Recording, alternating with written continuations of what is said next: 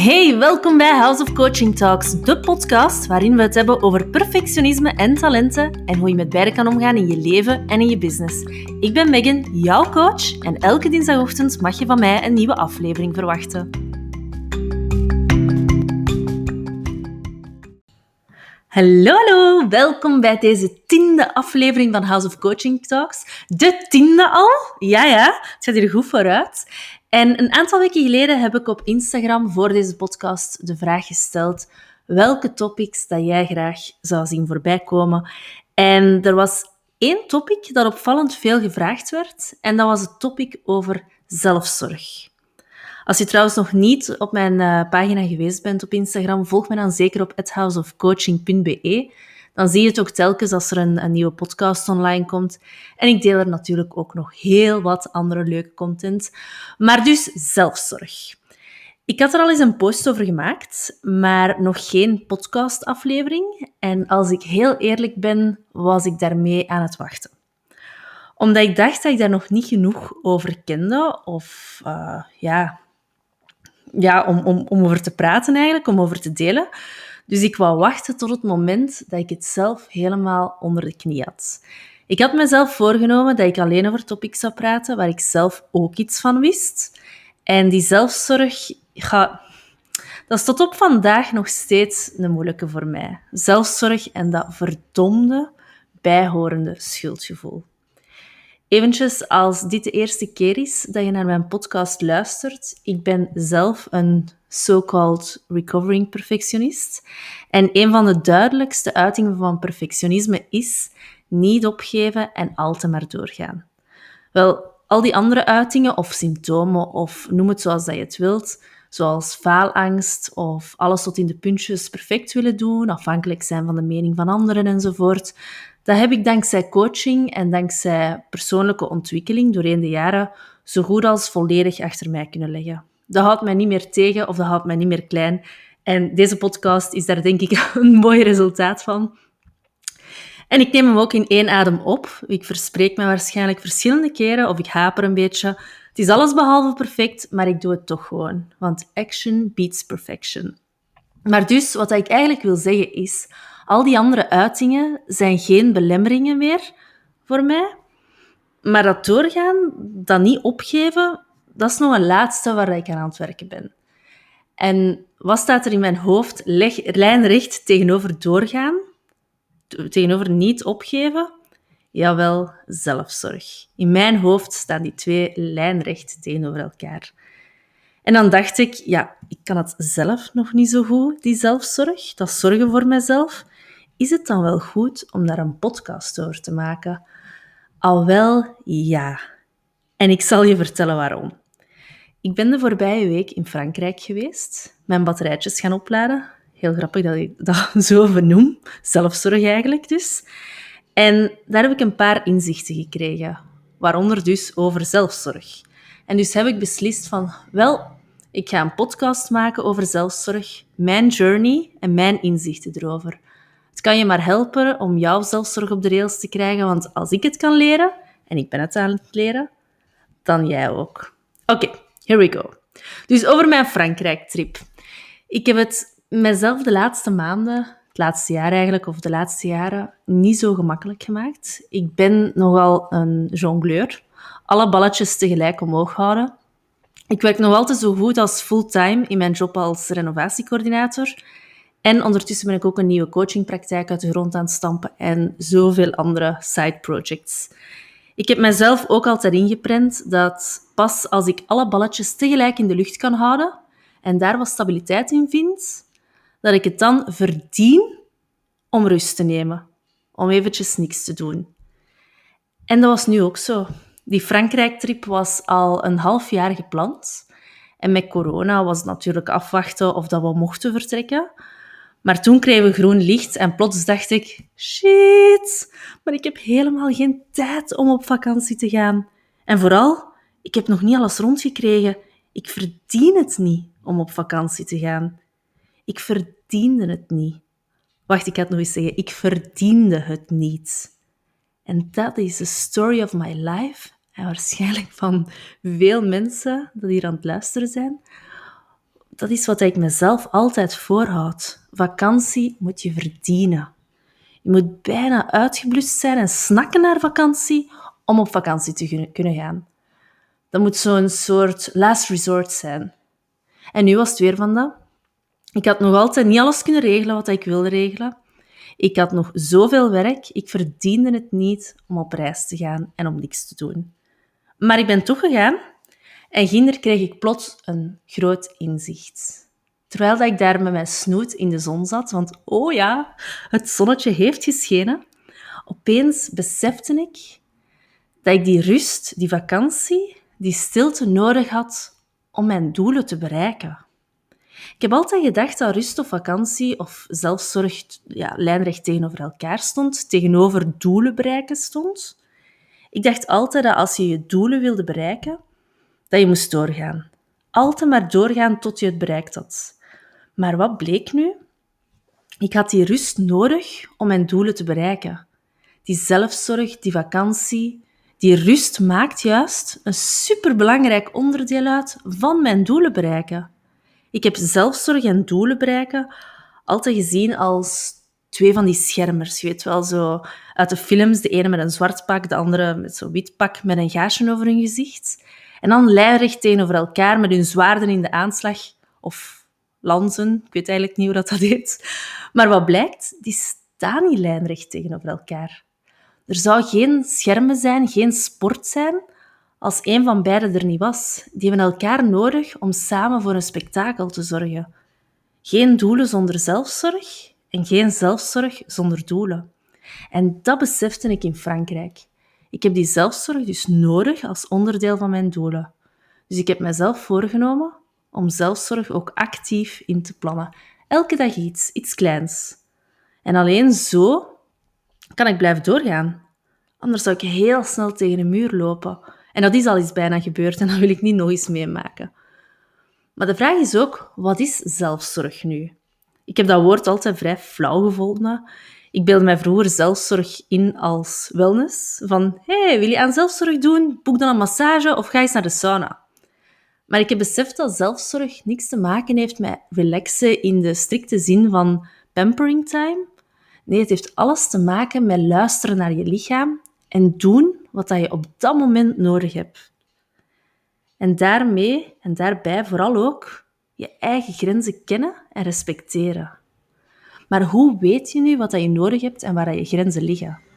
Als je daar al goed mee bezig bent, ben ik heel blij voor jou, maar voor velen is het een continu zoeken, voor mezelf ook. En in mijn zoektocht, en dat was lang voor mijn Frankrijkreis, ben ik mij op een gegeven moment beginnen verdiepen in wat het betekent als je introvert of extravert bent. Ik had altijd het idee dat extraverte mensen zo van die luide mensen zijn, de initiatiefnemers van de groep, die het niet erg vinden om voor een publiek te spreken, die graag onder de mensen komen en sociaal zijn. En over introverte mensen dacht ik dat het meer de rustige mensen waren, de afwachters. Wel sociale mensen, maar niet zo snel op hun gemak in een groep of in een grote groep. En ik zelf plaatste mij in de categorie van extraverte mensen. Ik ben nooit verlegen geweest, nooit problemen gehad om voor een groep te spreken. Ik ging graag uit, was graag onder de mensen. Oh, ik zei, ik ging graag uit. Ik ga graag uit dus. Met die corona lijkt dat zo lang geleden, maar dus... Ik was zeker en vast extravert. Of ik ben zeker en vast extravert.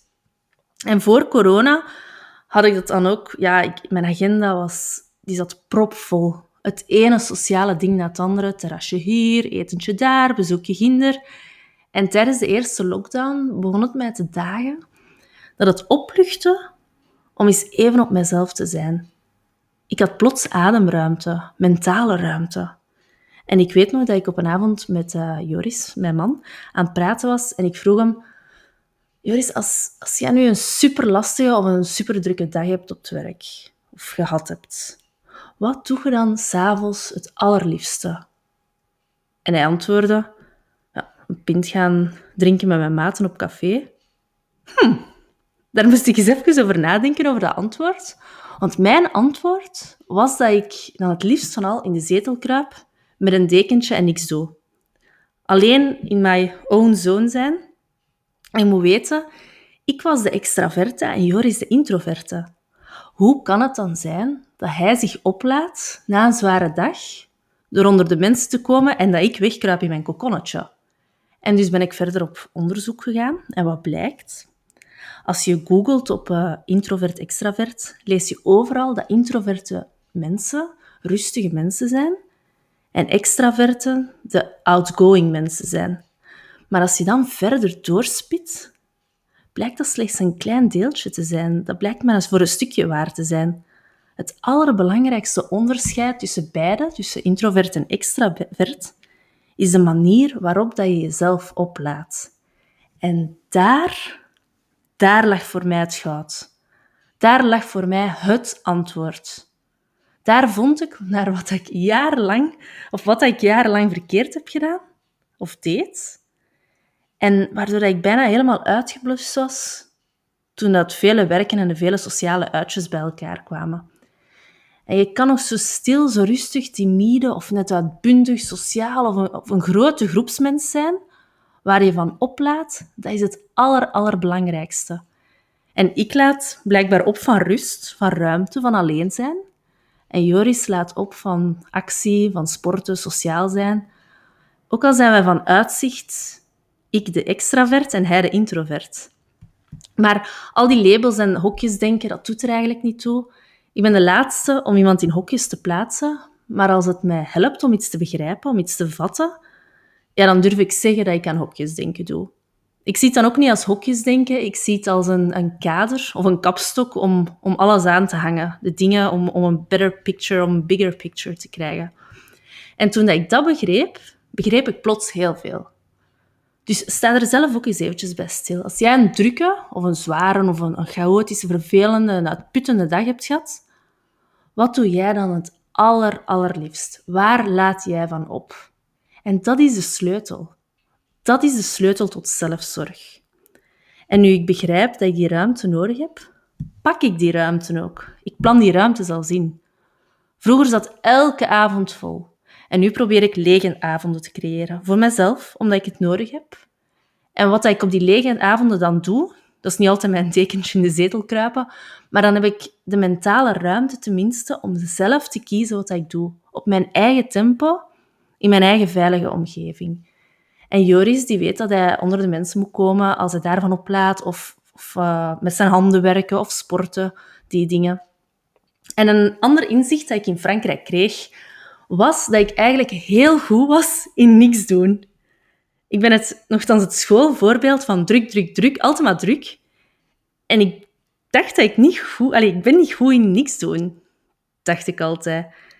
En ik denk dat dat vanuit schuldgevoel en omdat ik met mijn hoofd in de toekomst zit, dat het daarvan komt. Maar als ik in het moment zit, als ik in het nu leef, als ik enkel bezig ben met wat er zich op dat moment voordoet, zoals dat boekje lezen in de zon, zoals een fietstochtje maken, dan blijk ik dat vreed goed te kunnen en er nog van te genieten ook. In het nu lukt dat wel. Ik moet gewoon dat moment pakken, inplannen de snoots en pakken en genieten. En in het nu leven, hoofd uitschakelen en genieten. En dan lukt dat wel. En er was nog een, een vierde inzicht. Ja, ik heb veel inzichtjes schatsen, daar in uh, La Douce France. Dus het eerste was zelfzorg. Dus zelfzorg ondersteunt mijn doelen in plaats van ja, er lijnrecht tegenover te staan. Het tweede was de vraag van waar laat jij van op na een zware dag, los van introvert of extravert.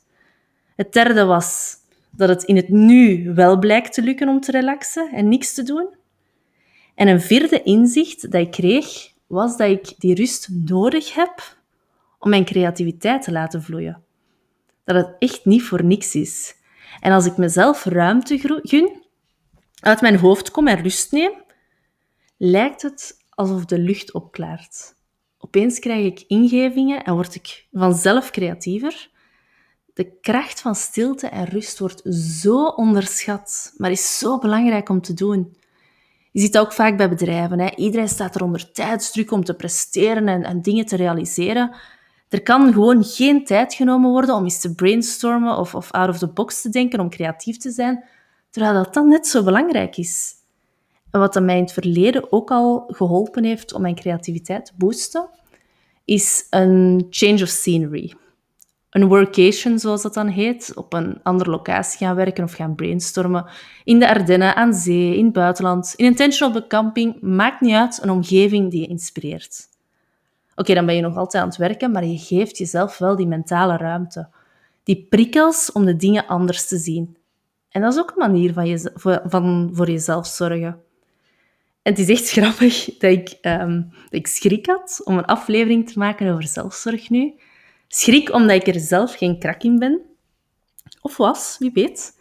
En grappig vooral omdat ik een paar dagen voor mezelf zorg, zonder schuldgevoel naar Frankrijk ga, om daar in het nu te gaan leven en dat ik direct bruis van de ideeën en het gevoel heb dat ik wel degelijk aan zelfzorg kan doen. Want dat is het allermoeilijkste voor een perfectionist. Hè? Uit je hoofd komen, zakken naar je gevoel, voelen wat dat je nodig hebt, luisteren naar je lichaam, eerder dan naar je hoofd en er dan ook naar handelen. En dat allemaal zonder schuldgevoel. Zo, ik hoop dat ik door mijn eigen inzichten te delen jou ook een boost kan geven om eens wat, uh, wat vaker voor jezelf te kiezen. En afsluiten doe ik graag met een simpele, maar zo'n prachtige quote die ik ergens onlangs gelezen had. Haal adem, de wereld wacht wel. Heel fijn dat je er vandaag bij was. Als je mij nog niet op Instagram volgt, doe het dan zeker op houseofcoaching.be voor wekelijkse tips, tools en weetjes over perfectionisme, talenten en alles wat daarbij komt kijken. En heel, heel graag tot de volgende!